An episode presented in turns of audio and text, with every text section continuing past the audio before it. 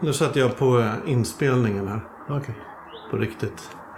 We're live. Ska vi stänga? Kan stänga Stäng dörren. Fönsterjäveln.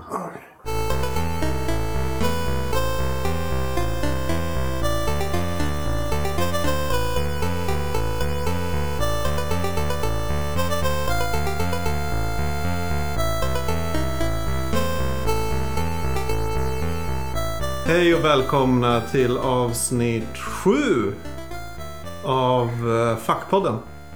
Idag är det bara jag här. Ja, och Ivan också.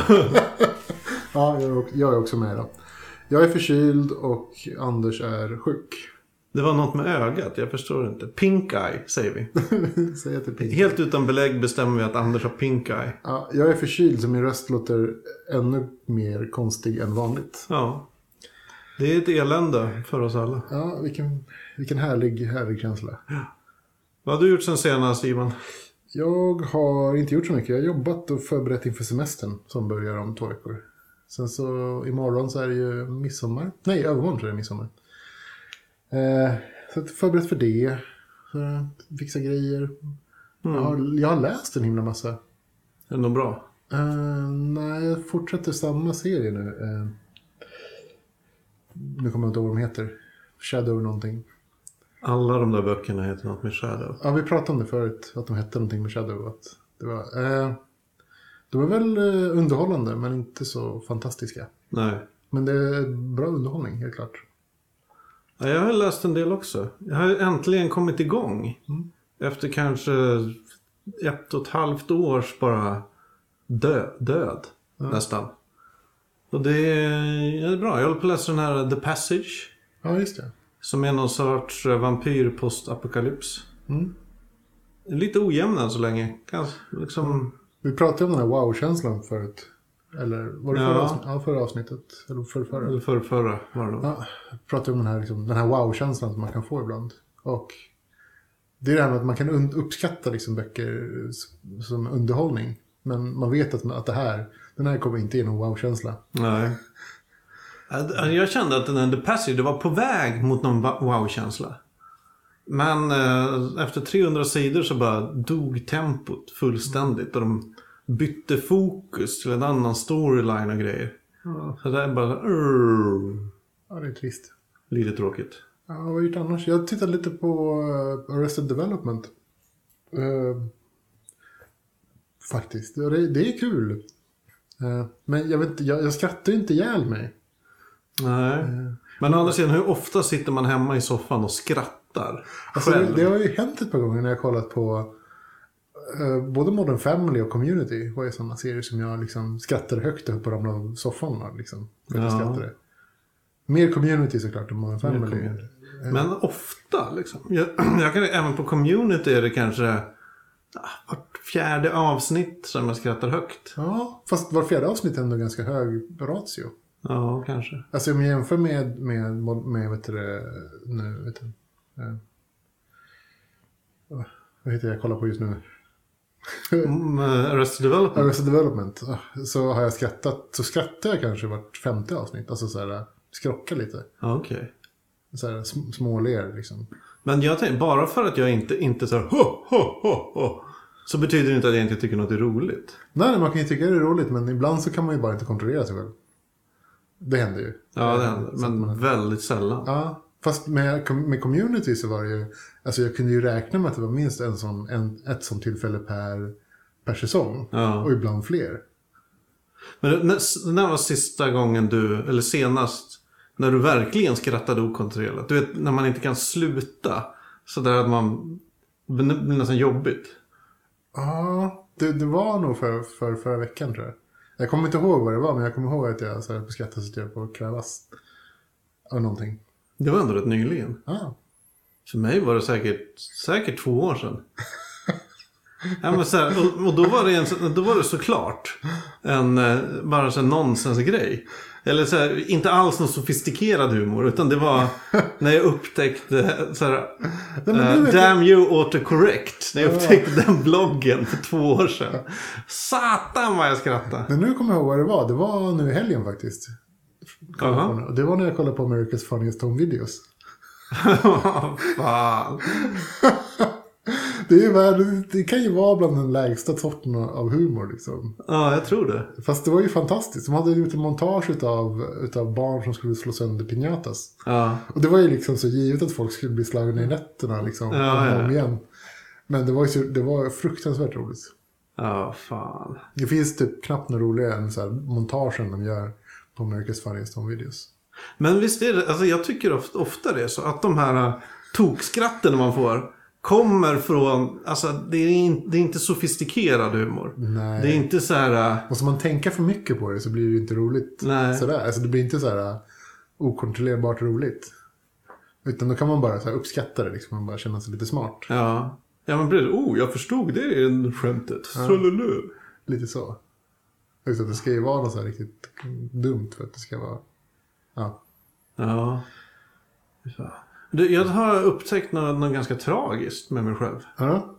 Att jag tror jag... Mitt intresse för rollspel s- liksom ebba, ebbar ut. Jaha. Speciellt för att spela rollspel känner jag att det, det är liksom en, en fallnande låga. Ja. Jag, jag har ju haft på och av med rollspel. Alltså, det har ju gått i omgångar.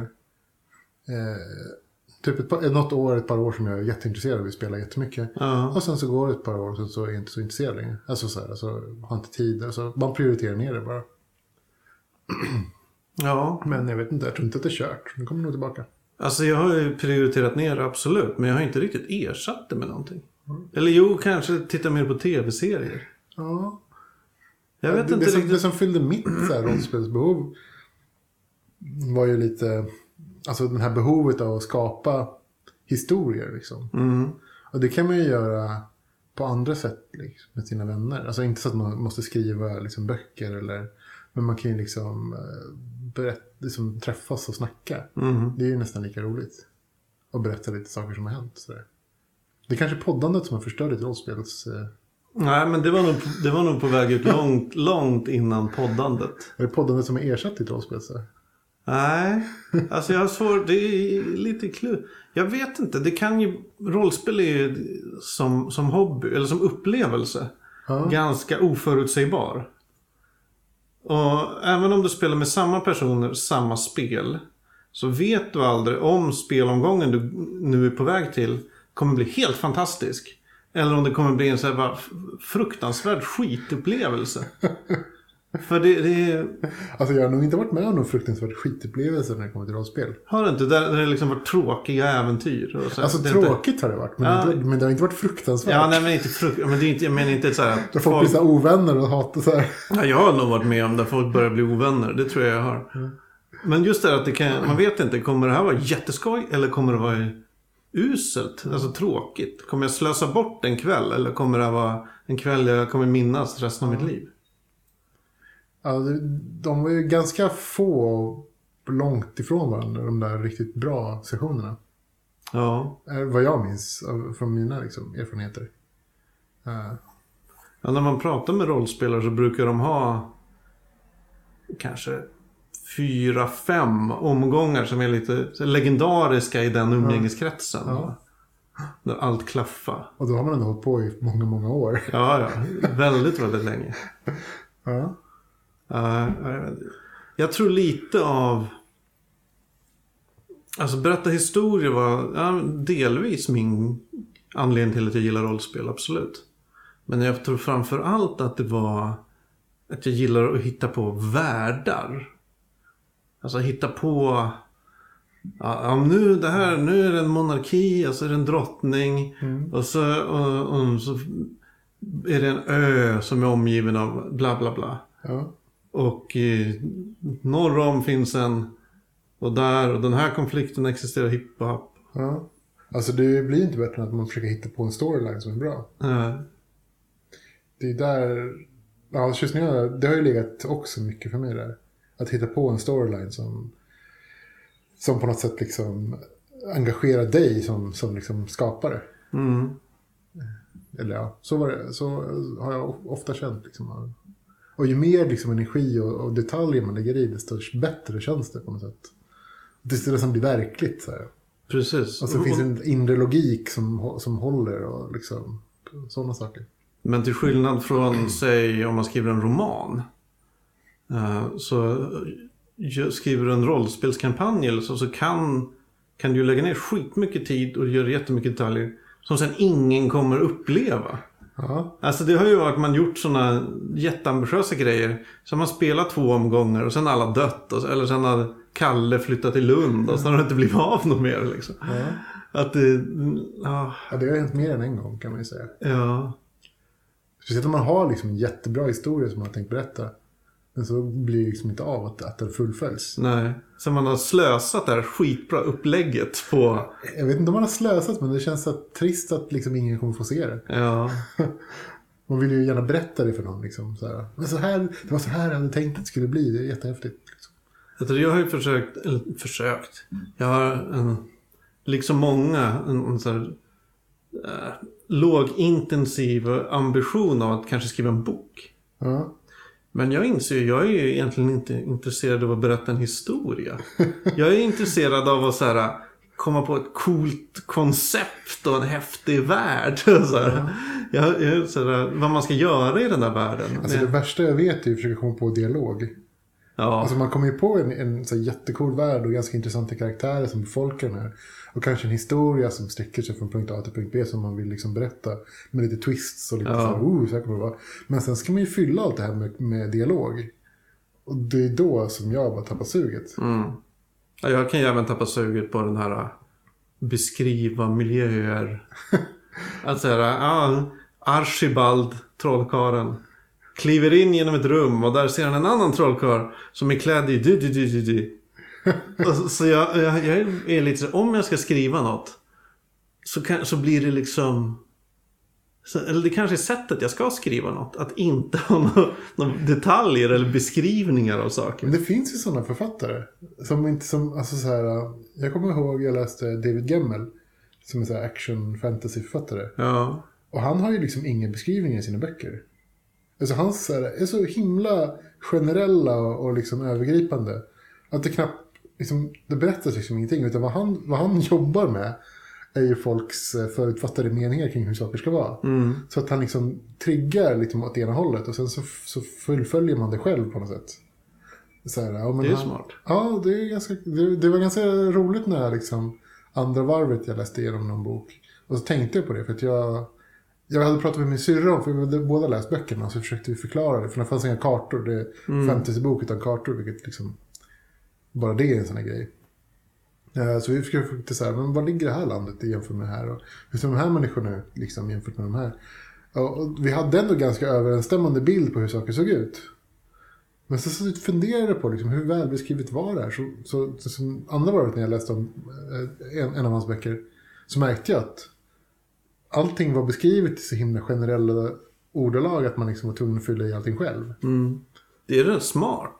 Det funkar nog bättre än vad man tror. För man har ju väldigt mycket liksom i bagage själv.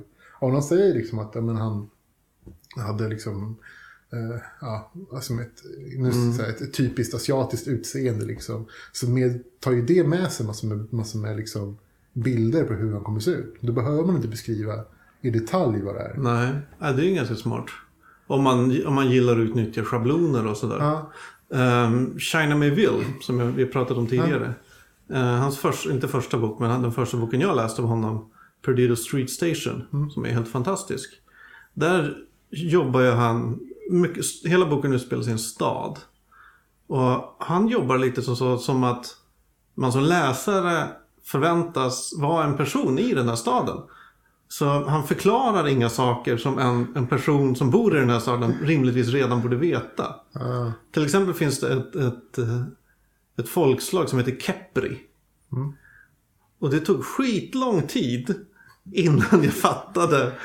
Alltså jag hade säkert, kanske en bra bit in i boken innan jag fattade.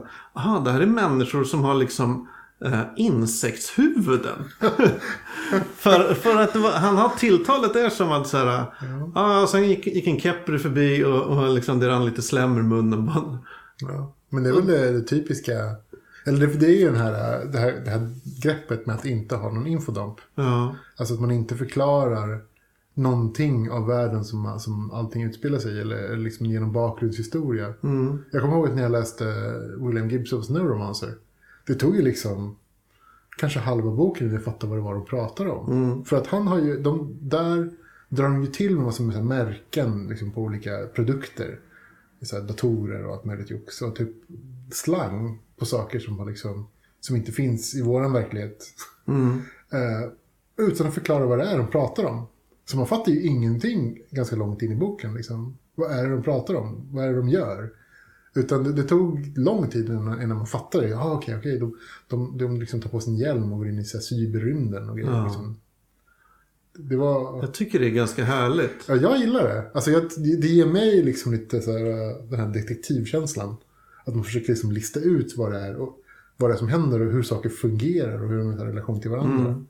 Och sen så ger ju det liksom lite mer, mer känslan om man, om man läser om bok, boken igen. Ja, jag tycker, för att ha China igen då som exempel. Eh, han, eh, han är en mästare på att, att skapa en sån här sense of wonder genom att inte berätta saker. Som han nämner så här i, ja, till exempel att ja, det är sedan The Ghost Head Empire har det här aldrig inträffat. Ja men du vet så här. Man berättar inte vad det är för något. Eller så här, ja norröver ligger ju det här landet med de här människorna. Det där kommer att låta jättemycket. Eh, så, eh, ja men du vet. Och, och då, man får ett, ett, ett, ett namn eller ett koncept eller en, en ort. Som, Ja. som låter så här. Man har bara i namnet och så byggs det upp kring det utan att man riktigt vet vad det är. Att man vill så här, veta mer. Ja, massa association. Det är sånt som kan få mig galen i, i till exempel eh, så George R. R. Martins fall. Eh, att du har den här eh, den här världen där sommaren är, är jättelång och vintern är jättelång. Och nu är man fem böcker in. Och man vet har fortfarande inte en aning om varför det är så här. Det finns, jag, jag tror inte ens det finns ledtrådar. Det är liksom ingenting som diskuteras i böckerna. Det bara är så. Det bara är så här. Men varför är det så?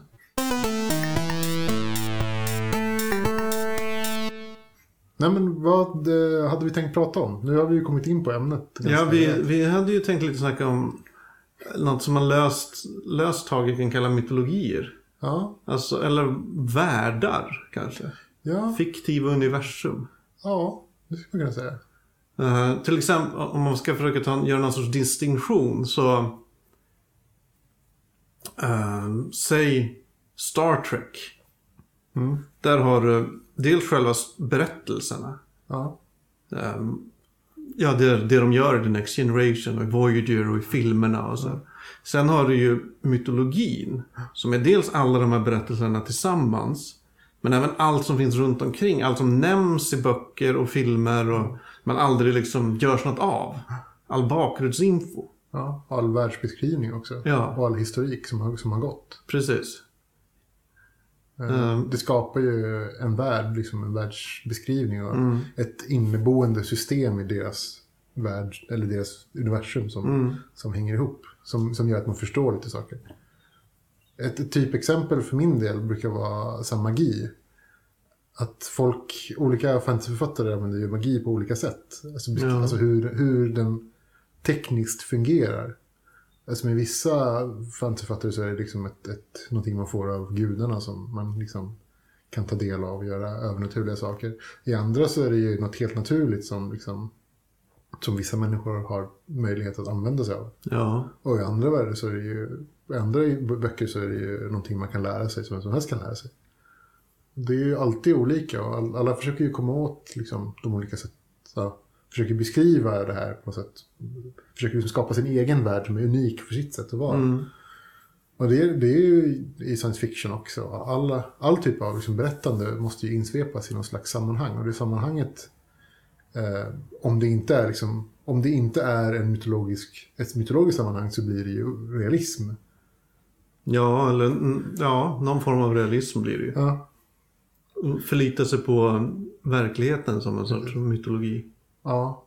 Och då blir inte det mytologiskt, då blir det bara verklighet. Mm. Så är det. Vi kan ju se liksom, så, i våran värld finns det i mytologi också saker som liksom vi berättar för varandra hur saker fungerar. Mm. Och det behöver inte vara sant eller falskt för det. Men, men det är ju så vi liksom får världen så här, förstår vår värld. Mm. Och det är samma sak i, i alla historier som berättas. Så finns det ju någon slags inneboende eh, vet du det? Ja, in, inneboende logik liksom, som ska förklara hur saker fungerar. Man kan ju inte berätta en historia utan, utan att bygga någon mytologi. Nej, det är svårt. Sen finns det ju, alltså science fiction och fantasy som genrer är ju väldigt tacksamma för att bygga världar och hela universum i. Det, det är ju nästan en del av genren. Ja. Det brukar ju vara så att liksom en, en stor del av historien brukar ju handla om att de ska förklara eller att man ska få uppleva det här, Ja. det här andra. Liksom. Eh, och det är där den här infodumpingen kommer in. Som är det här greppet när man ska förklara världen. Och man brukar ha en person, ett barn eller en utlänning eller någon från en annan dimension eller någon, någon som inte vet om hur saker fungerar. Så man har en karaktär i boken eller i historien att berätta för. Så att, de kan, så att du som betraktare också kan ta del av den här förklaringen. Men sen så finns det ju de här författarna som inte gillar det liksom, utan som kör helt utan. Jag kan ju vara verkligen avsky infodumps. För de, eh, det görs ofta så jävla klumpigt. Alltså det, det brukar ju aldrig vara smidigt. Och det är aldrig särskilt intressant. Och när man har sett det 20, 50, 100 gånger så blir det så jävla tradigt. Mm. Men jag, kom, jag, jag föredrar ju hellre när det inte finns. Men, men ska boken inte vara alldeles komplicerad och liksom lättillgänglig så måste man ju ha det. Alltså det värsta exemplet som jag har varit med om i modern tid, eller på att säga, det är ju Game of Thrones, alltså tv-serien. Mängden infodumps per avsnitt är ju... Ja. Alltså det här att någon bara står i en sal och pratar. De har liksom... Alltså den där klassiska scenen där Littlefinger är i sin bordell. Håller en lång... Alltså pratar i tio minuter medan två, två av hans prostituerade har sex i bakgrunden. Ja, för att man skulle få lite bakgrund kring, kring Ja. honom. Och det är så här, men vad i helvete vad dåligt gjort. Alltså det är så riktigt dåligt gjort. Eller det, det värsta för mig brukar vara när en karaktär förklarar för en annan karaktär någonting som de borde veta båda två för att det är helt uppenbart. Ja, Liksom så här, men om vi ska liksom dra en parallell, typ så här, men, så här, vet du Magnus att vatten det är blött? Och liksom, så här, himlen den är blå när det inte är ja. liksom så här, det, det är så uppenbara saker som alla borde veta. Att, att det, blir, det känns bara så här, jättejobbigt. Speciellt i tv-serier och filmer blir det ju så för där är det plötsligt som att en karaktär börjar tänka högt. Och så här, hmm, hur var det nu min historielektion från tredje klass? Så börjar han så här rabbla saker han kommer ihåg från den. Som en jävla galning. Böcker kan göra det lite mer sofistikerat. Genom att det kan, det kan så här, för någon tänker något, någon minns något och så vidare. Jo, om man inte ska ha liksom en berättarröst. Som jag faktiskt inte har någonting emot. Jag gillar berättarröster. Jag vet att så här, det är ett stort no-no inom filmvärlden. Det är många som gillar berättarröster. Jag hatar berättarröster. Jag gillar det som fan. Alltså, När, när en film börjar med en berättarröst, då vet jag att det här kommer suga. ja, jag brukar tänka att nu myser jag. Det här är mysigt. Vad fan. Alltså, jag tänker mig bara så här Conan, liksom introt med typ en berättarröst. Ja, Alltså nästan riktigt så man känner typ så här, nu är det något episkt på gång här. det kan jag... Okej, Conan... Eller Conan. Conan. Det, det kan jag köpa. Det gillar jag. Alltså man får den här episka känslan att nu är, nu är det något episkt på gång. Liksom. Men då ska det ju, ja, det ska det ju vara något sånt också. Så här, något riktigt, liksom, någon, alltså det ska ju vara gjort på ett bra sätt. Ja, du måste leverera. Du måste leverera. Okej, om... Jag brukar säga så här, eller brukar, men jag har tänkt så här. Att, om, man, om man har en berättelse, Mm. Eller en, film eller en tv-serie eller en bok eller serietidning eller vad det är. Du har den i sin helhet och så plockar du bort själva huvudpersonen och storyn. Det som finns kvar är mytologin. Ja. Hur känner du inför det? Jag vet inte riktigt om, det, om jag håller helt med. Alltså just huvudkaraktären måste vara så central. Eh, Nej, inte att den, alltså jag menar snarare att den inte är jättecentral. Ja, du tänker att du hellre ser mytologin kring liksom. Ja, Ja. för om, om man... eh, Om man bortser från... Säger så här, säg Sagan om ringen.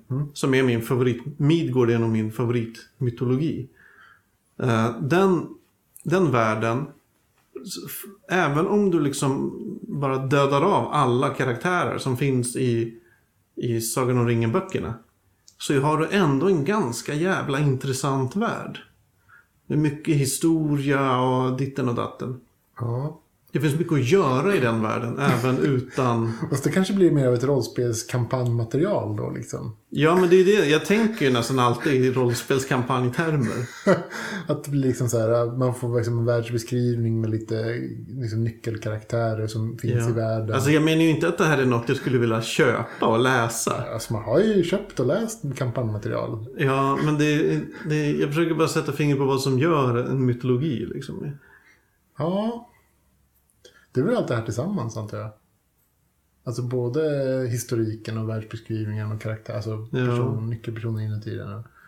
Och sen så liksom current events är ju också liksom mytologi. Mm. De, är, de driver ju historien framåt och har liksom en betydelse i, i världen och sådär. Det finns ju vi- vissa, vissa berättelser, eller vissa världar där Eh, så karaktärerna är mer knutna till, alltså är mer viktiga för hela mytologin än vad än i andra. Till exempel, vad, vad skulle Star Trek vara? Eller Star, säg Star Wars. Vad skulle Star Wars vara om du plockade bort Luke och, och eh, Han Solo och Vader? Alltså, men det är ju en svag mytologi mest. Tänker jag. Ja, Att jag har alltid tyckt att Star Wars har varit liksom en väldigt svag mytologi. Alltså man tänker sig att man har en, alltså en helt universum liksom. Och det här ska vara beskrivas och sådär. Och sen så är allting så himla ensidigt. Alltså så här. Det liksom, finns inget riktigt djup i det. Man, man kan liksom inte, det finns ingen historia i Star Wars. Det finns ju jättemycket historia. Men det är nästan ingenting som kommer fram i filmerna, vad jag vet. Nej, nej, det gör det ju inte. Det är någon som säger ja, förut var det en mer civiliserad tid. Ja, Okej. okej. Det fanns något som hette The Clone Wars. Ja. Jo. Och det, det, det är ju en... Jag tänker, känner bara att det är dåligt berättande liksom, när man inte kan föra fram eh, en, en, liksom en, en, alltså att man inte lägger några, man inte får fram liksom en helhet. Utan att allting beskrivs bara väldigt platt. Och där tror jag eh, lite svagheten med prequel-filmerna. Eller de illustrerar väldigt tydligt att Star Wars är mer karaktärerna än, än en värld. Ja. Eftersom i prequel-filmerna så var de tvungna att... Ja men, ja, men det här att alla känner alla. Plötsligt har Anakin byggt C3PO och eh, bor bredvid Jabba. Liksom att, Ja, för att, för att det finns ingen annat att haka fast vid. nej. Det finns ingen historik liksom. Men det finns ju tvärtom också, där, där karaktärerna är helt oviktiga om man inte riktigt gillar dem. Utan man vill ju bara ha mytologin. Och då tänker jag till exempel, för, för min del, H.P. Lovecraft. Ja. Eh, där typ mytologin tycker jag är fantastisk. Liksom, och, och, och mytbildningarna och historierna och bakgrunden och liksom så här. Allting är så här, helt otroligt. Men sen så läser man böckerna så blir jag helt ointresserad av, av faktiskt, de, som, de faktiska händelserna och karaktärerna som upplever det. Mm. Utan jag vill ju bara ha liksom, bakgrund. ja, jag håller med dig fullständigt. Det, det är liksom konceptet är bättre än genomförandet. Ja. Och i Star Wars så, så kanske jag måste säga att det är tvärtom. Liksom. I alla fall de gamla filmerna så är ju utförandet mycket bättre än själva konceptet. Mm. Så här, äh, Tycker vi nu i alla fall. ja. Ja. Ja, det är, sen tycker jag att ibland händer det ju att man har en rätt bra, en rätt bra story, ganska intressanta karaktärer. Och sen kommer det här, alltså den här stora mytologin och bara rullar över dem. Ja. Som Arkiv X till exempel. Ja. Som börjar som, ja, ja jag gillar det verkligen. Bra, det är så här mysterier, dy, dy, dy. Man lär känna Mulder och Scully. Sen plötsligt så är det den här gigantiska konspirationen med aliens och som, får man någonsin förklarat vad fan det är som pågår? Jag kommer inte ihåg. Inte jag heller. Men då Jag, tapp, jag tappade nog lusten för serien innan jag Ja, fick reda på hur det slutade. samma här. För då, då tycker jag, där kände jag att allt det här med alltså, den stora intrigen Mm. tog över allt. Och blev ganska förstörde serien. Jo, alltså man vill ju ha alltså en bra mytologiskrivning, en bra mytologi, mytologisk beskrivning är ju sånt som gör att, att efter att man har liksom upplevt berättelsen och sådär, så vill man ju skapa sina egna berättelser i samma värld. Mm. Och jag, jag har ju klara minnen av att när vi försökte till exempel spela Star Wars-rollspelet så blev allting så extremt platt. Ja. Det, det, gick liksom, det fanns ingenting att, att så hänga upp på. Den enda intressanta historien i den världen är den som berättas Det i som filmen. berättas, absolut. Men däremot, man- till skillnad från till exempel Warhammer 40K. För mig var det liksom, där fanns det hur mycket som helst att ta av. Mm. Det, men det är ju lite, okej, Warhammer 40K är, är väl alltså en figurspelsvärld Ja, det var väl från början en figurspelsvärld. som har, har växt. Ja, som har växt. Och ja, det är väl lite tecken på... Alltså rollspel är också så. En rollspelsvärld. Eh, om man säger... Ja, är jag- jag köpte rollspel Svavelvinter när det kom för typ ett år sedan eller när det var. Eh, och där är det en, en kompakt värld. Det är jättemycket världsinformation. Och, så här. och hela den bok, hela boken är ju liksom... Man kan ju komma på, bara genom att läsa den, så här, här kan jag spela rollspel i 20 år. Och jag behöver inte köpa någonting mer än den här boken. Ja. För det finns så mycket saker i den som bara, oh det här är häftigt och det här är häftigt. Det här är häftigt.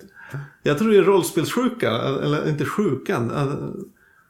Att, rollspelsmaterial och kanske figurspelsvärldar också då, jag vet inte vad. by- Skrivs på så sätt att det bara ska vara strösslat med idéer. Jag tror det. Det, det gäller ju, som det, det ska ju vara som, en, som ett frö för det, alltså, som, en, som en bra grogrund för att liksom, plantera idéer som, ska, liksom, som har någonstans att gå. Det, det krävs kanske liksom... Man tänker sig att det är liksom det det bygger på, så, så, så blir det liksom bra. Ja, hela... Det är så här 300 sidor av liksom upplägg. Ja, Så någon som bara, här smasha! ja, Med, med den, ja, som Star Wars, vi pratar mycket om Star Wars i den här podden. ja, I, i en central del i vår kanon känns det ja, det kanske är det. Jag, eh, jag, tror, jag tror att det är det. Ja, Jag får den känslan. Egentligen så borde ju kanske för min del så här superhjältekanon vara, vara större. Ja Men, men Star Wars är så allmängiltigt att det, liksom, det går alltid hem. det, Det är det, lätt att göra en poäng av. det är väldigt lätt att göra en pengar och det är väldigt lätt att prata om det nästan oavsett vilket ämne man... Eller, det, är så här, ja, man kan, det, det är givande att prata om att prata genus, det är givande att prata klass, det är givande att prata så här, politik. Det, man kan projicera nästan vad som helst på den här. På den här blanka ytan. Ja, lite grann. Ja, jag vet inte. Eh, Ja, men vad, så. vad har du för serie, seriekanon då som du gillar så mycket? som jag gillar. Jag... eh, jag är ju Marvel. Jag gillar ju Marvel. Ja. Mer än jag gillar DC. Men, men absolut favoriten i serievärlden är väl ändå Neil Gaimans eh, Sandman. Skulle jag tro. Ja, det, ja, jag kan skriva under där. Den, är ju, den mytologibildningen och den historien. Och det, så- det, det finns så mycket där. Speciellt så fort han, beslut, han beslutar sig för att äh, vi skiter i det här med att det ska utspelas i någon sorts DC Comics-värld. Jo, alltså efter första albumet, eller är det halva första albumet som är ganska, som är ganska tradigt. Ja, jag vet inte om det är tradigt. Det är mer så här plötsligt är The Martian Manhunter och Justice League inblandat.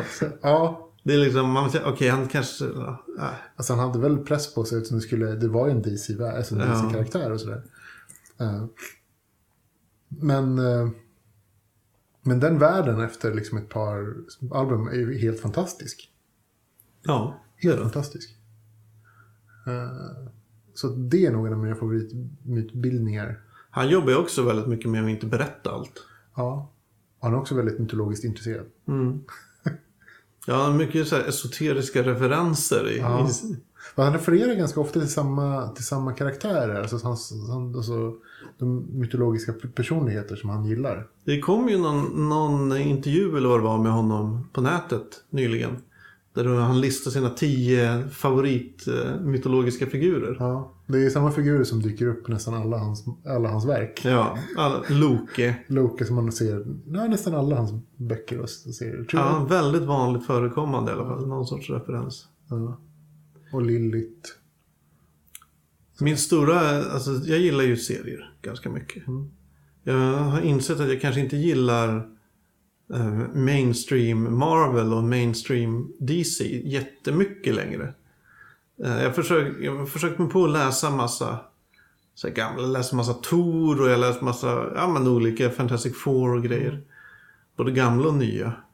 Och X-Men. Och jag inser så här att det är, de flesta, det är inte så jävla bra det här. Nej, alltså för min del så är det väl, om jag ska läsa en serie så skulle det vara ett album. Ja. Alltså jag läser ju inte så här lös-serier. Nej, det är inte jag heller. Extremt sällan. Nej, men där är det mitt största, om vi pratar mytologi. Att försöka ge sig in i Marvels eller DCs mytologi. Alltså herregud. Jag läste jättemycket Marvel när jag var kanske, säg 10 till 16. Ja.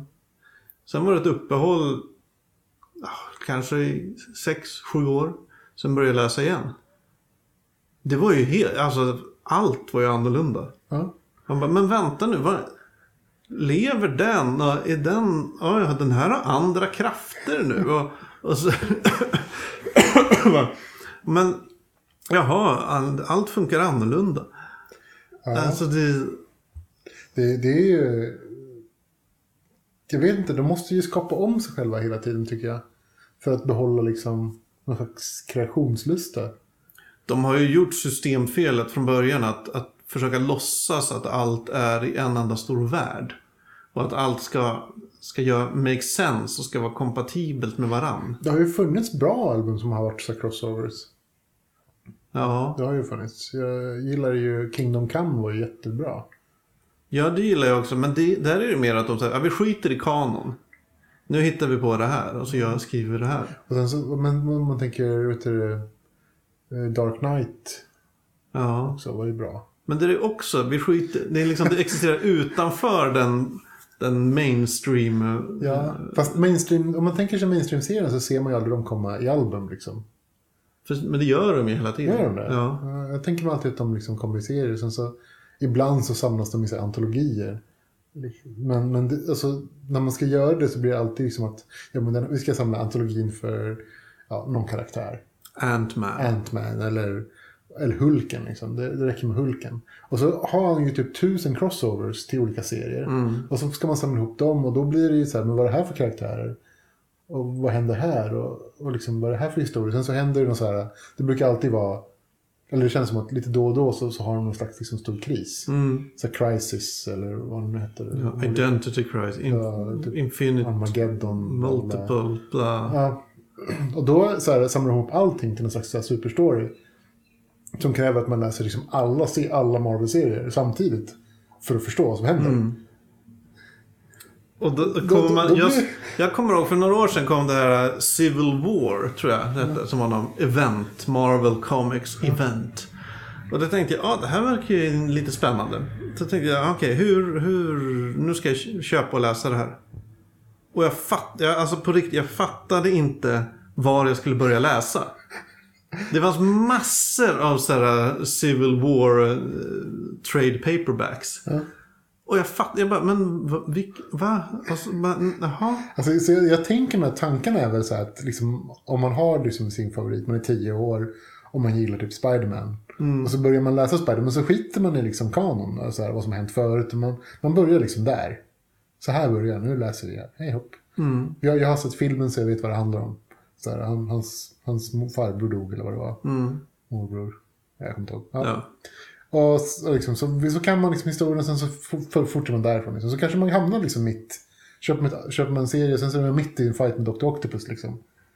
Och så kör man därifrån. Och sen så kommer en sån här stort event och då måste man ju läsa allt. Och så börjar man liksom, man följer Spiderman-spåret och så ser man, oh, men det här händer lite andra grejer liksom. Så börjar man läsa dem och sen så, och så kanske man breddar liksom sitt serieintresse på det.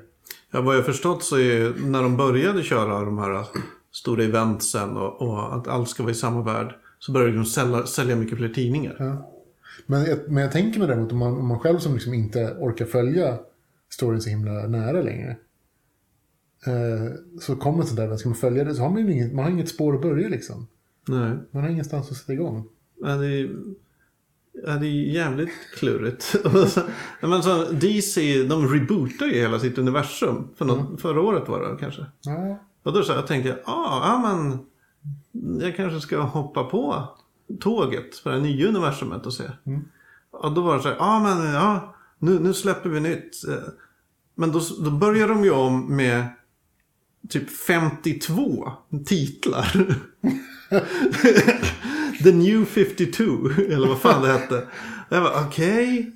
Ja, ja, men då är, det, då är det Stålmannen och så är det Stålmannen, en, en till titel med Stålmannen. Och så är det Batman och så är det en till titel med Batman. Och så är det, och så man bara, okej. Okay. Ni lär er verkligen inte. Ni fattar väl att om ni, om ni kör igång med, med liksom 50 titlar så kommer det ta noll sekunder innan allt är helt rörigt igen. Och då kommer ni behöva göra en ny reboot om tre år. ja.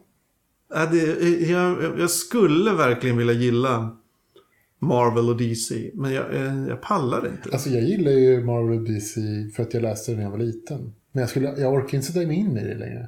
Nej, och då kommer man ju till det här. Ja, jag gillar Marvel-mytologin. Ja, Jag gillar tanken på att det finns Asgård och jag gillar allt med Spindelmannen och Dr. Octopus. Att, eller mutanter eller vad- Ja, precis. Men att, att försöka ge mig in och verkligen följa en storyline. Nej, utan jag, som sagt, jag, det jag köper nu för tiden i, i Marvel och DC är ju album liksom. Och då är det one-shot-album, Mm. som du sa, som skiter i kanon lite grann. Utan man får se sina karaktärer i en så intressant historia. Jag köpte det här... äh, jag tänkte, efter att ha sett Avengers. Mm. Så tänkte jag, åh, vad är det här för Thanos? Eller vad han hette. Ja, just det. På slutet där. Och vad är det här för Jeppe? Ja, så googlade jag lite. Jaha, han är med i den här äh, miniserien eller vad det kallas. Eh, Infinity Crisis. Nej, The Infinity... The Infinity Gauntlet. Ja, då köpte jag den. För det skulle vara, det är liksom en början och en mitt och ett slut. Läste. Och direkt så är det så här. En miljon eh, superhjältar dyker upp. Alla har, refererar till saker som har hänt i andra tidningar. Kanske flera år tillbaka. Och, och så så här. Jag läste igenom den men den, den gav mig ingenting. Ja, Och jag, då tänker jag, jag är ju inte helt obevandrad i, i serievärlden. Så här. Jag, nej. jag känner ju till de flesta superhjältar och så här. Men hur mycket förkunskap ska det fan krävas för att läsa en miniserie? Ja, ja, det- ja, det är ju så här tyvärr superhjältesjukan liksom. Och det, då, jag tänker så här, ja men här är... Själva mytologin har blivit viktigare än... En historia. Ja. Ja, absolut. Det kan jag skriva under på. Verkligen.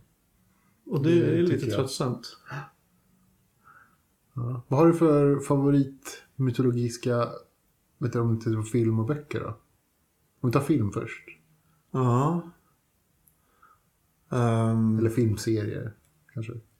Jag gillade ju Alien. Hela den världen. Speciellt som den var tidigt. Typ första och andra Alien-filmen. Hur den världen framstod där gillade jag asmycket. Att det liksom... Ja men det var något företag, väldigt mäktiga företag och då, man fick inte reda på så mycket. Så man fick fylla i mycket själv. Så det gillade jag. Sen tyckte jag ju mer man fick reda på världen i följande filmer och speciellt i Prometheus. Så blev det ju bara, nej vad fan är det här? Lägg ner. Ja. Sluta. S- sen är, är, jag gillar väl Star Wars mytologi. Eh, In, inte för så som den ser ut utan mer att den har sån jävla potential. Man skulle kunna göra, man skulle kunna göra så otroligt mycket roligt med den. Det skulle krävas att det kommer en riktigt bra författare som vågar ta sig an liksom, historien. Ja, och som kan slänga bort George Lucas fullständigt. Ja, ja det skulle krävas. Men det, kommer, det känns, jag tror inte de nya filmerna kommer göra det än på ett tag. Ja. Ja, Blade Runner, absolut. hela den världen verkar ju... Också för filmer har jag märkt, de världar jag gillar mest. Det är ju de man får reda på väldigt lite om. Ja. Och det kanske är filmmediet måste jobba lite så. Jag tror att det krävs att man fyller i lite själv. För att liksom det ska bli något djup. Mm. Man hinner inte berätta allt på så kort tid. Men man kan ju alltid referera till saker som man liksom själv kan fylla i vad det kan vara. Mm. Vad har du för favoriter? Ja, Blade Runner också helt klart. Eh, Alien. Det, jag tyckte att den var lite... Alltså, man, den gav inte så mycket. Men jag gillar estetiken i Alien. Mm. Estetiken är väldigt, väldigt fin. Det, det var ja, jättesnyggt. Uh, mytologiskt sett så tyckte jag inte så här, det fanns inte så mycket att ta av. Nej, det är mest, mest stora frågetecken. Ja, eller de säger ju ingenting. Alltså om man Nej. kollar på första filmen så, så vet man ju ingenting. De är liksom space truckers. Som, som åker liksom för ett företag. Mm. Det skulle kunna vara liksom en historia om, om någon som kör lastbil i Ukraina. Liksom. Skulle det kunna vara. Och så hittar de någonting längs med vägen. Alltså det är verkligen så att det finns liksom ingenting där egentligen. eh, Som, som berättas. Nej. Liksom. Det, är, det är väldigt tunt. Det är mycket som sker i, i undertexten så att säga. Ja. Mellan raderna. Absolut. Utan ja, man, man, man, liksom, man, man får hitta på själv. Mm. I Blade Runner så finns det ju liksom... Där får man ju, där får man ju se en värld. Eh, det, man får man ju aldrig se i, Alien. Man får ju aldrig se en värld, utan man ser ju bara skeppet. Och sen så den här liksom, öde planeten. Men en öde planet har ju liksom ingen kontext och inget, ingenting att berätta. Eh, utan det är bara skeppet i så fall som har någonting att berätta om, om själva liksom, universumet som de befinner sig i. Eh, men om vi jämför det med Blade Runner, i Blade Runner så får man ju uppleva den här världen de befinner sig i med liksom reklamskyltar och sånt där. Alltså, och bilder och liksom, man bombarderas ju av så bilder och, som, som liksom ger en en kontext som man kan spinna vidare på. Liksom. Man ser den här personen som, som de gör reklam för något konstigt vatten. Så kan man ju liksom så här, från det spinna vidare liksom, på sina tankar. Eh, Men i filmväg, jag, jag gillar ju The Matrix, första filmen. Eh, ganska mycket. Men är inte det också ett tecken på att man får inte reda på så mycket om mytologin i första filmen? Nej, alltså ju mer man fick reda på det så sämre blev det. Ja. Alltså när man väl började liksom grotta i det så tyckte jag att det tappade stinget helt. Men när liksom, när det var ren postapokalyps och, och det berättades om att så här, jorden har gått under och nu är det liksom åt skogen. Det var ju liksom spännande. Mm. För då ville man ju uppleva så här, hur ser det ut liksom. Vi har ju bara sett de här människofarmerna liksom. Hur ser det ut i resten av världen liksom. Hur, liksom kom de ut i rymden någon gång? Liksom, vad, vad hände där? Och så där. Det, det är det som, ja.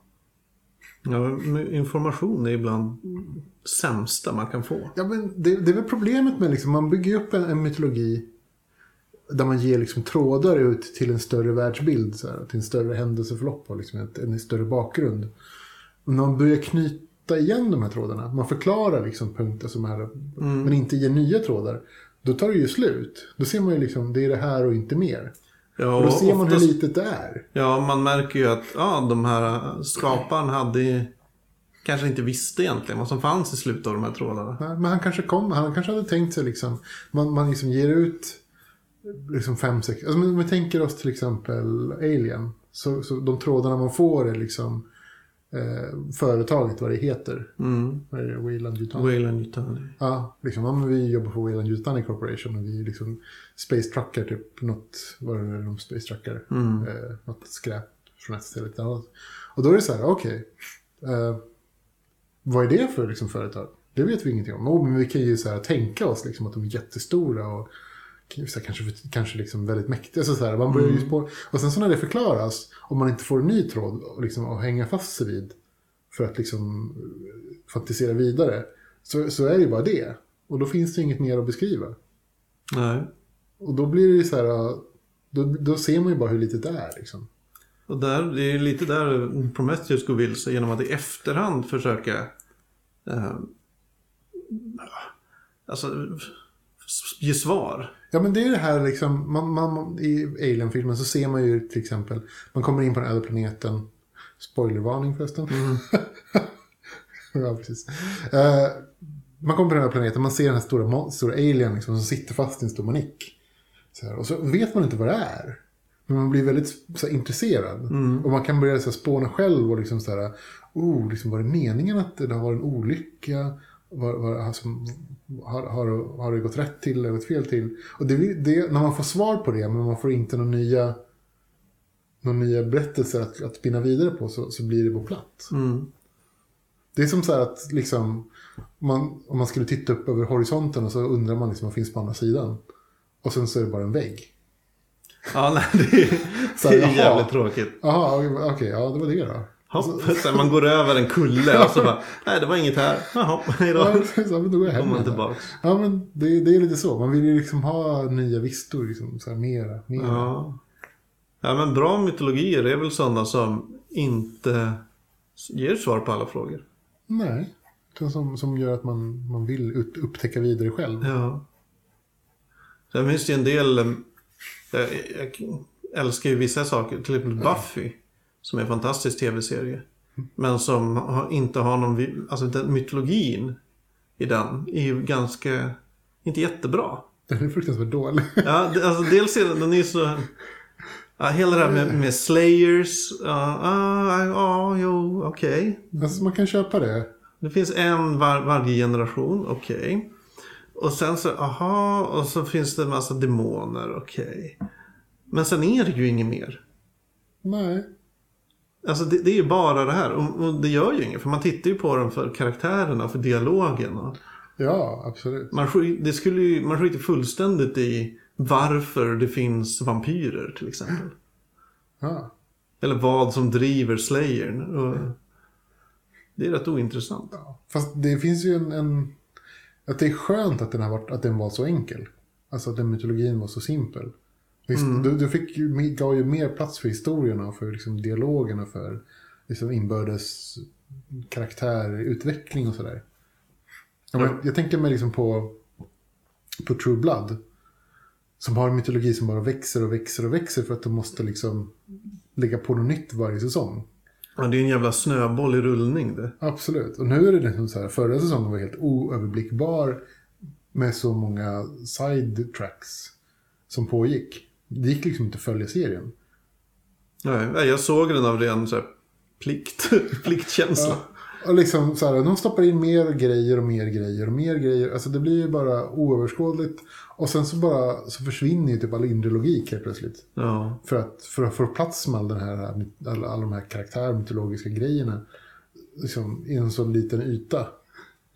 Så, så, bara, så, så funkar saker inte längre.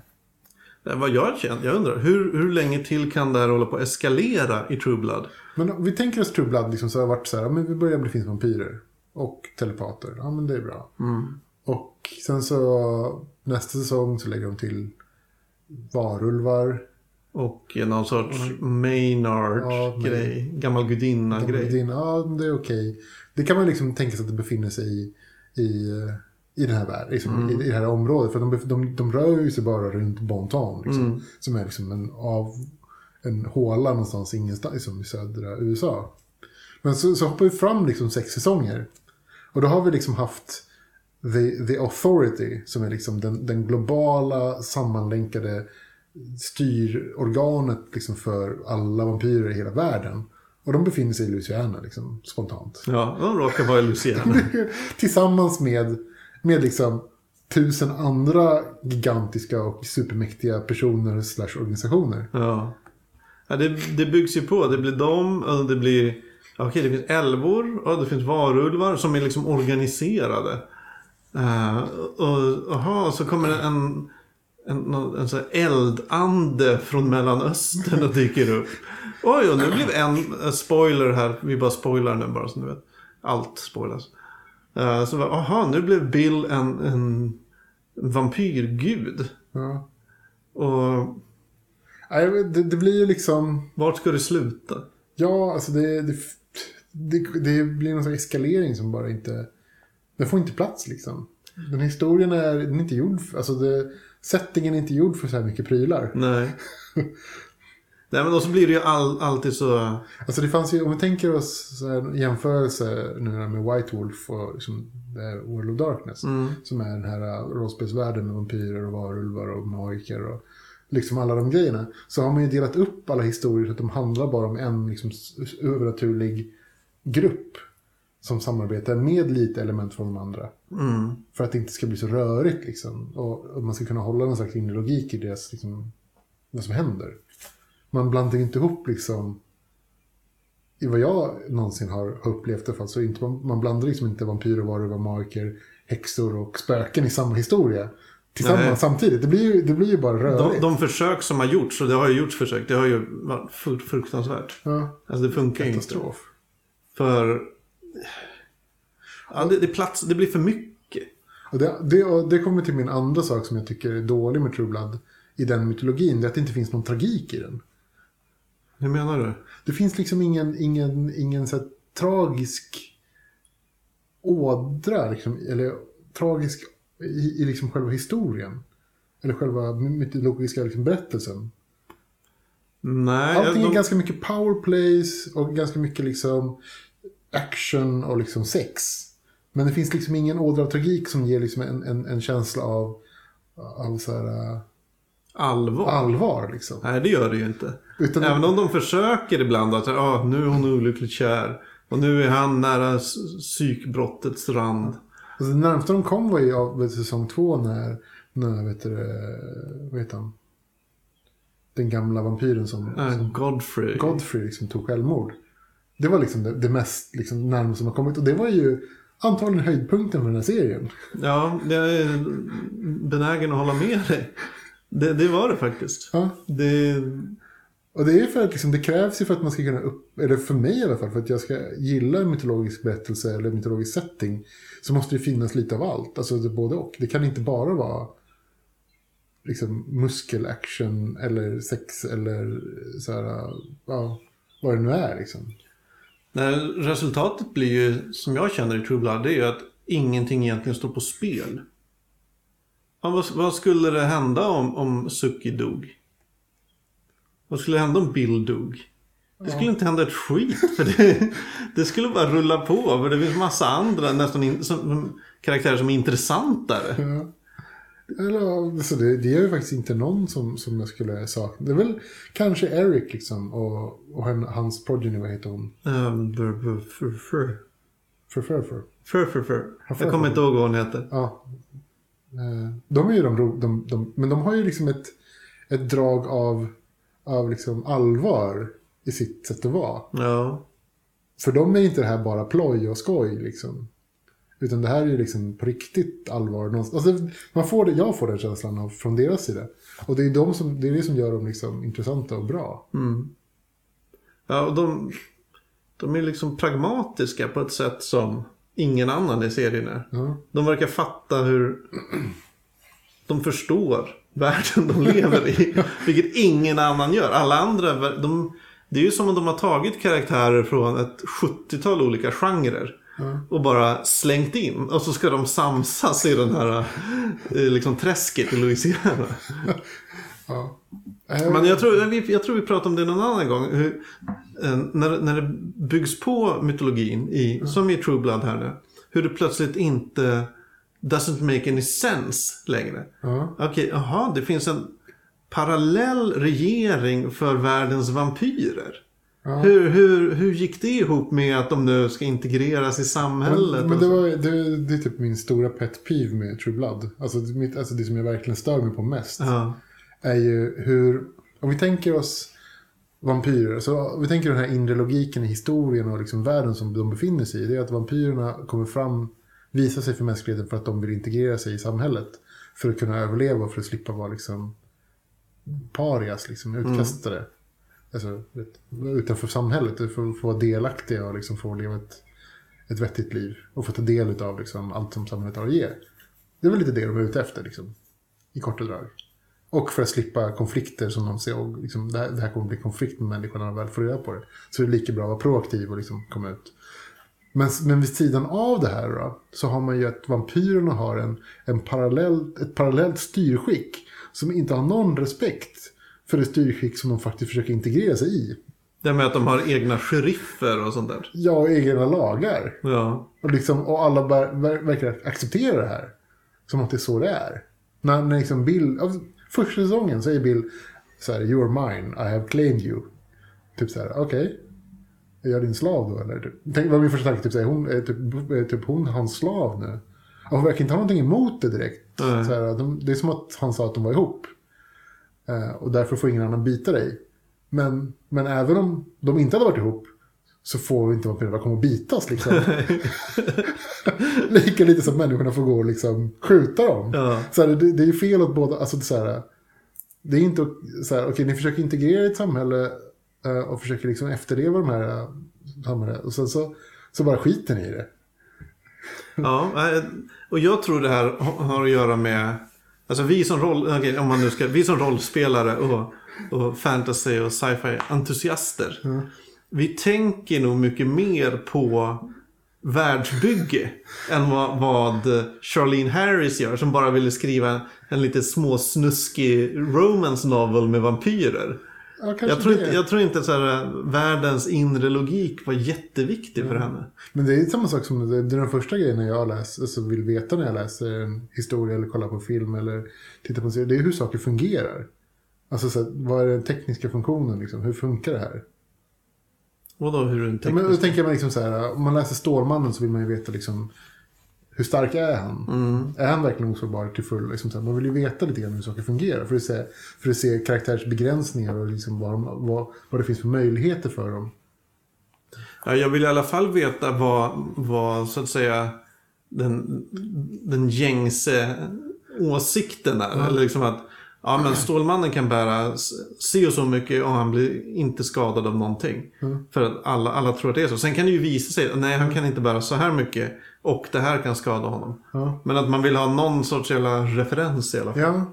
Så att det inte blir liksom att så här, Stålmannen i typ första Stålmannen-serien har problem att lyfta en, en lastbil. Och är liksom ett par år senare lyfter som en halv planet med lillfingret. Mm. Nej. Det ska ju finnas någon slags inre logik så att man liksom kan följa det här. Eller också att man ska få bli tillräckligt så här wowad när någonting bryter mot det på ett bra sätt. Ja, man vill ju, man vill ju veta reglerna. Alltså så, en klassisk scen, en klassisk eh, idiotgrej i The Phantom Menace. är ju eh, när, när Obi-Wan Qui-Gon och Darth Maul slåss i det här stället där det är en massa laserdörrar som stängs. Okej. Okay. Och uh, uh, Obi-Wan springer för att han ska hjälpa Qui-Gon mot Darth Maul. Uh, Okej, okay. och så, åh oh, nej han, han, han är inte fram. Så stänger sig dörren. Och så, så här, ah, de fortsätter slåss. Ah, så öppnas dörren. Och han springer. Du, du, du, du, och så stängs en ny dörr. Och så så här. Ja, så ser de slåss. Och så bara dödas Qui-Gon av Darth Maul. Och, och, och Obi-Wan bara no! Så uh, varför använder du inte force speed? Din jävla idiot. Då hade, det, är så, för, för det är etablerat, han har ju använt det tidigare i filmen. Mm. Force speed. Han, det är något han kan göra. Men när han springer genom den här korridoren för att rädda sin, sin läromästare och vän så använder han inte den här förmågan. som skulle ha hjälpt honom och som skulle ha räddat livet på hans kompis. Ja. ja men det är en typisk sån grej som man, som, som man liksom inte vill, vill råka ut för. Nej, man bara, Och det är så här, äh, när man, när man liksom etablerar ramarna för hur universumet fungerar. Så vill man ju liksom, då vill man ju att storyn i den ska vara bra. Och Ja. hålla liksom. Nej, det, det är ju... Man anar ju att... Här var det så. Ja, vi- eh, Qui-Gon måste dö. Jaha, hur gör vi det på ett eh, fint sätt? Ja, precis. Ja, så gjorde de det. Det ja, Tru- ska du fortsätta se True Blood nu, säsong Ja, 6? Vi kör ju den i vår boxcirkel. Just det, ni har en boxcirkel. Just det, vi, ja, det har jag kanske inte berättat om. Vi har kört en boxcirkel nu i kanske sex, sex år tror jag. Och vilka är vi i det här fallet? Jag, min fru, ett, lite kompisar. Möt, eh, hem, träffas hemma hos oss varje måndag. Uh, käkar middag tillsammans. Någon i gruppen lagar mat. Och sen så käkar vi allihopa och sen så tittar vi på ett avsnitt eller två av en tv-serie. Nice. Och nu är det True Blood som gäller. Nu är det True Blood. Det är säsong för True Blood. Ja, jag, jag ska nog se... Jag, jag upptäckte att jag såg senaste säsongen, säsong 5. Mest som en så här bara... Ja, men som man var på tivoli. oj, oj, nu hände det. Oj, nu hände det. Så kan man koppla loss liksom och bara titta på serien och uppskatta liksom all så här slapsticken så, så Ja, absolut. ja, på samma sätt som man ibland måste säga nu ska jag se en dum komedi. Ja, Och så ser man den. eller romcom. Ja. Eh, Jag, jag undrar ju hur fan, hur... Vad jag förstått själva bokserien, sista boken har kommit. Var, det den absolut sista eller den Ja, senaste? som jag förstod på ett nyhetsbrev från SF-bokhandeln. Och då, jag, jag undrar, hur, hur i helvete slutar skiten? Ska det fortsätta i den här takten kommer det ju vara liksom Ragnarök kommer det sluta med. Om det bara ska fortsätta eskalera med allt mäktigare övernaturligheter hela tiden. Ja, nej, jag kommer, jag kommer kolla. Jag har inte sett eh, premiäravsnittet än på Nej. säsong 6. Ja, vi såg det nu, jag såg det nu i måndags. Det var helt okej. Alltså, det var ju bra True Blood, True, Mm. True Blood-anda liksom. Och jag tror nog att, att den kommer bli eh, kul att titta på. Mm. Eh, och så. Det är lite en serie man tittar på trots, alltså trots mytologin, trots karaktärerna. Jag Ja. vet inte varför. Jag, jag tittar, alltså vill jag se tuttar kan jag ju titta på andra ställen. Ja. Men Alltså den är ändå underhållande kan man ju säga. ja, Och det finns ju ganska många underhållande karaktärer. Om man inte bryr sig om att liksom följa deras konstiga historier som de upplever. eh, Utan bara liksom vill träffa karaktärerna igen en gång i veckan så är ju det kul. jag kan säga så här. Om du efter jag hade sett säsongsavslutningen av säsong 5. Så gick det någon vecka, sen av en händelse råkade jag se först, allra, allra första avsnittet. Det, är ju, det är ju verkligen som två helt olika serier.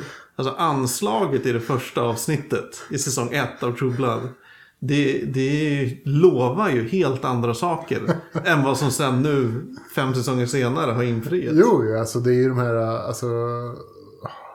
Mudflation, så kallar det för. Alltså när saker liksom bara blir mer och mer utav Ja. konstiga saker. Alltså det blir bara mer större siffror, skulle man Ja. säga. Liksom bigger, badder, liksom big bad var, Ja. varje gång. Det, det har ju gått extremt fort.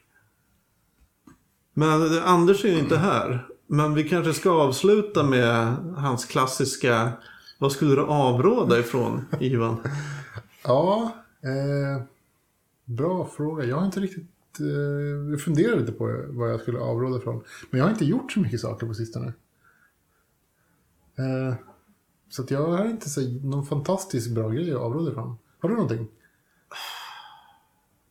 Nej, Jag kan ju avråda, jättedåliga frågor. jag kan ju avråda eh, från att eh, ge sig in i Marvel-universumet seriesvängen igen. Ja, ja, men det kanske de har förstått redan, våra lyssnare. borde förstå jag. Eller jag vet inte om jag avråder det.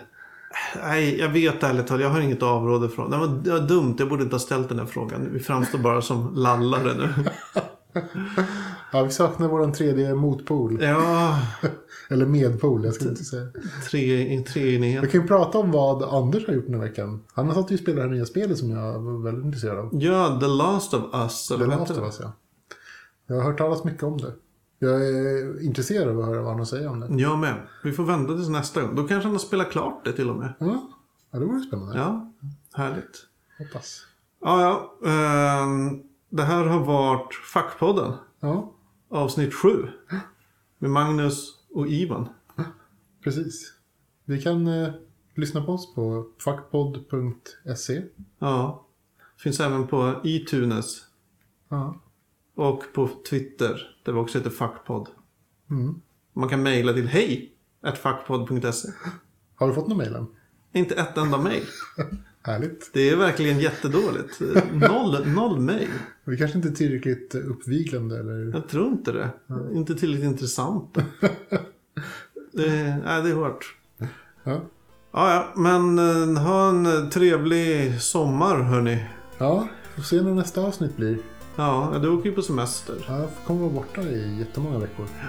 Ja, vi får se. Ni kanske kan köra lite mer? Ja, jag och Anders svänger ihop något. Ja, varför inte? Och med det, tack, hej då, adjökes.